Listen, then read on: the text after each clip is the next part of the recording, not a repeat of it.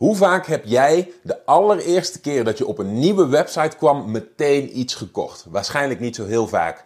Waarom verwachten we dan nog steeds met z'n allen dat bezoekers aan onze websites wel in één keer iets zullen verkopen? Dat is waar ik het in deze aflevering van de Online Omzet Podcast graag met je over wil gaan hebben. Dus je bent ondernemer en je ziet de enorme kansen die het internet biedt om je bedrijf te laten groeien. Maar hoe grijp je deze kansen? Wat moet jij doen om in de online wereld je bereik, impact en je resultaten te laten groeien? Mijn naam is Michiel Kremers en in deze podcast neem ik je mee achter de schermen in een modern, hardgroeiend online bedrijf en ontdek jij het antwoord op de vraag: hoe worden kleine ondernemers groot? Hallo, mijn naam is Michiel Kremers. Welkom bij een nieuwe aflevering van de Online Omzet Podcast. En zoals ik al aangaf, wil ik het in deze aflevering graag met je gaan hebben over de aanname van veel ondernemers dat bezoekers aan hun website, dus bezoekers die hun website voor de allereerste keer ontdekken, voor de allereerste keer zien, iets bij ze zullen kopen. En die aanname is, zoals je zult realiseren, heel onterecht. En als je zelf een website runt en je doet het op deze manier, zul je ook merken dat dat meestal niet het geval is. En dat het heel moeilijk is om een winstgevende, een winstgevend bedrijf te laten draaien op alleen nieuwe bezoekers die voor het eerst jouw website ontdekken. De bedoeling is juist dat bezoekers vaker dan één keer komen, betrokken worden en voor de lange termijn bij je betrokken blijven en omgezet worden tot betalende klanten. Hoe doe je dit nu? Nou, dat was ook het onderwerp van een QA-sessie die ik een tijdje geleden met een groep van mijn deelnemers heb gehouden. En daarin heb ik dit schematisch weergegeven en een stukje toelichting gegeven. Ik denk dat dat heel erg nuttig voor je kan zijn als jij op dit moment merkt dat bezoekers aan jouw website niet kopen en dat je het moeilijk vindt om ze voor de lange termijn aan je te verbinden en terug te laten komen. Dus laten we snel gaan kijken. Voordat we eh, in de vragen duiken, wil ik het volgende punt behandelen. ik merk namelijk dat er wat onduidelijkheid is bij veel mensen over de, de, eh, de wat diepere, diepere lagen van een instapproduct. Dus de, de dieperliggende betekenis van een instapproduct. Want wat we allemaal redelijk begrijpen, en dan pak ik dit dan meteen eventjes bij, ik heb het hier achter me uh, uitgetekend. Wat we allemaal inmiddels begrijpen door het doorlopen van de basis van het programma, is dit verhaal. Hè? Dus stel je koopt um, 100 bezoekers, en in dit geval ga ik er dan even vanuit dat 100 bezoekers 100 euro kosten. En die 100 bezoekers die gaan in je verkooptraject en je hebt een, een premium product, je, uh, je, je, kernproduct, je, je dienst waarmee je je maximale waarde uh, biedt aan je cliënt of aan je klant. En stel dat dat, dat 100 euro oplevert. Oké? Dan heb je op dat moment voor 100 euro, heb je 100 euro verdiend, speel je kiet. Maar wat gebeurt er ook als jij rechtstreeks 100 euro stopt in je verkooptraject? Hè, en er koopt één persoon en er is verder geen infrastructuur rondom dat verkooptraject zoals wij dat in het programma doen. Dan heb je één persoon bereikt en dan heb je dus ook de gegevens van één persoon. Oké, Dus die ene persoon die komt in jouw CRM-systeem. En dat heeft natuurlijk um, als groot nadeel, hè, dit is hoe traditionele websites altijd werkten, heeft natuurlijk als groot nadeel dat iedereen die niet koopt, oké, iedereen die niet koopt, die komt stel dat er 100 mensen uh, door je website gaan. En iedereen die niet koopt, die stroomt daar weer uit. Zonder dat jij die kunt bereiken. Oké, dus dit is de, de beetje traditionele situatie van websites. Vooral webshops maken die fout nog steeds. Hè, jongens, uh, leer alsjeblieft zo snel mogelijk in dat vlak dat, het, dat de grootste prioriteit van, van je website nog steeds is het bereikbaar maken van je uh, potentiële klanten voor de toekomst. Oké, dit gebeurde er heel vaak. En dan was er één klant, en die ene klant, die kon je dan voor de toekomst gaan bereiken. Dus die klant uh, dienstgegevens die eindigden in je CRM-systeem. Nou, wat wij inmiddels uh, begrijpen, is dat dat niet ideaal is. Dat we niet maar één persoon in dat CRM-systeem willen die, uh, die, bereid, die meteen bereid was 100 euro aan ons uit te geven. Nee, we willen potentiële klanten in de toekomst ook kunnen gaan bereiken. Dus kwamen we met het instapproduct. En het instapproduct kan een andere prijs hebben. in dit voorbeeld heeft het instapproduct bijvoorbeeld een prijs van 25 euro. Nou, stel dat er 10 mensen van die 100 interesse hebben in dat instapproduct. Oké, dan hebben wij ten eerste hebben we 250 euro verdiend. Oké, maar wat gebeurt er ook? Die 10 mensen die, uh, die dat, dat product van 25 euro hebben verdiend, die stromen ook nog langs je high-end product. In dit geval je upsell. En daar zit misschien ook nog wel één klant tussen. En dan heb je ineens uh, eh, 350 euro verdiend. En dan is het feit dat je winst hebt gemaakt is ons duidelijk. Oké, dit is voor jullie niks vreemds. Waar zit nou de discrepantie? Waar zit nou het probleem voor veel, uh, voor veel mensen die geconfronteerd worden voor het eerst met deze aanpak? Is dat ze zich heel erg gaan focussen op het feit dat dit instapproduct bedoeld is om geld te verdienen. Bedoeld is om zo snel mogelijk die initiële investering van 100 euro terug te verdienen. En dat is maar één manier om er naar te kijken. En wat ik vandaag uh, met je, waar ik vandaag wat dieper op in wilde gaan, is dat er uh, een dieper liggende betekenis is van dat instapproduct. Van het feit dat je in, uh, in, in eerste zin überhaupt geld voor iets vraagt. Want waar het om gaat is dat je eigenlijk uit die 100 initiële bezoekers niet alleen de maximale uh, omzet haalt in de eerste laag van je bedrijf. Nee, het gaat er in eerste instantie ook om dat je filtert op diegenen die überhaupt interesse hebben om geld uit te geven bij je.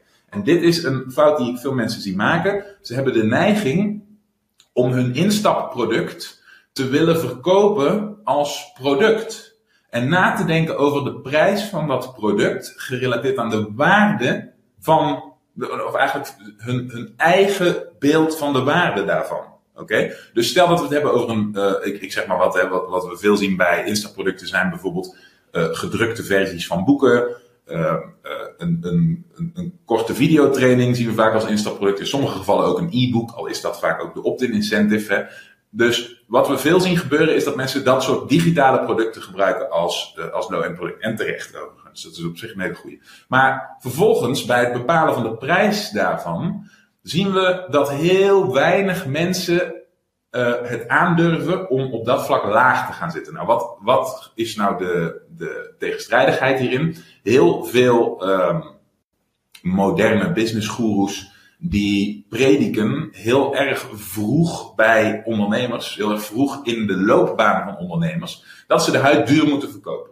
Dat het domste wat je kunt doen is om te concurreren op prijs. En dat je moet proberen hoge prijzen te vragen. Want het is immers, hè, dan komt het aloude liedje. Want het is immers veel makkelijker om 1000 euro te verdienen door aan één klant 1000 euro te vragen en dan één klant te moeten binnenhalen, dan drie klanten van 333 euro. Want drie klanten binnenhalen is moeilijker dan één klant binnenhalen. Oké, dat is dan een beetje de, het goed praten daarvan. Wat krijg je dan? Dan vertaalt zich dat, als je komt bij deze aanpak, naar wat kan ik maximaal vragen voor mijn instapproduct. Maar het probleem hiervan is dat als je um, gaat voor het maximale in je instapproduct, dat de initiële hoeveelheid mensen die terechtkomt in je CRM vele malen lager is. Terwijl wat we eigenlijk willen bewerkstelligen met dat instapproduct, is filteren wie van die 100 mensen überhaupt ooit geld zou willen uitgeven aan onze niche, aan onze markt. Hè? Dus in het geval van jou, Femke bijvoorbeeld, hè, een, een goed voorbeeld er zijn heel veel mensen op zoek naar gratis informatie over voeding, over afvallen, over gezondheid enzovoorts enzovoorts. Maar een heel groot gedeelte daarvan, als ze op internet op zoek gaan naar dat soort dingen, is nooit van plan om daar geld aan uit te geven. Dus alleen ziet internet als de gratis bron van informatie. Maar een gedeelte van die groep is dat wel. Alleen is het op dat moment volledig onbekend waar hun grens ligt, tot hoe ver ze zouden willen gaan. Als je dan met je initiële instapproduct een te hoog bedrag vraagt, terwijl blijkt dat een groot gedeelte van die, uh, van die, van die doelgroep eigenlijk in eerste instantie nog niet bereid was dat bedrag neer te leggen, dan sluit je uit je CRM op termijn, sluit je een heel groot gedeelte van je potentiële klanten uit. En dat willen we voorkomen. Daarom willen we eigenlijk je instapproduct zo laagdrempelig mogelijk maken.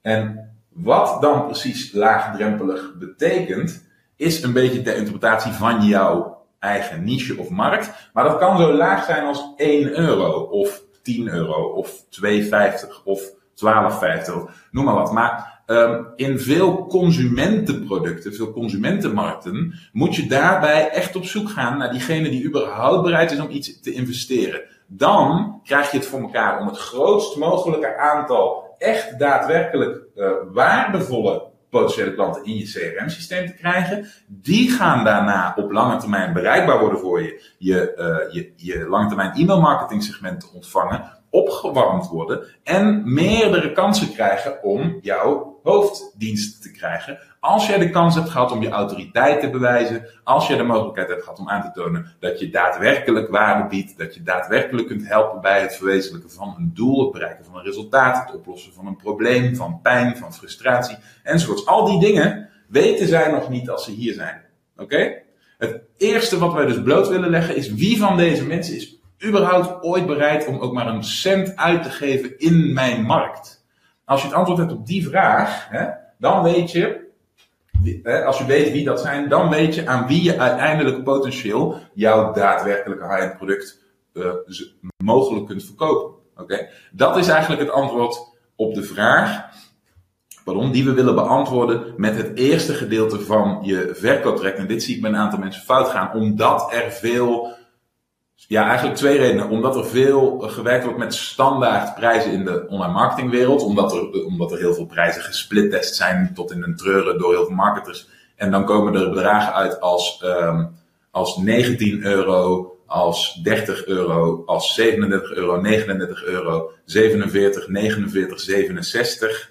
Dat zijn de, de, de gangbare prijzen die door, door, door marketers in de, in de wereld van digitale producten tenminste tot in een treurige test zijn. Maar dat wil niet zeggen dat iemand die bereid is bijvoorbeeld, uh, dat, dat als je 37 euro vraagt voor je instapproduct bijvoorbeeld, dat je dan iedereen die potentieel op termijn jouw high-end product zou willen kopen, in je CRM-systeem krijgt. Er is een grote kans dat de drempel daarvoor te hoog is op dat moment, dat je veel mensen mist. En daar zit het verschil tussen die twee kijken hierop. De ene kijk is dus, ik wil ervoor zorgen dat mijn initiële investering van 100 euro zo snel mogelijk terug wordt verdiend. Hè?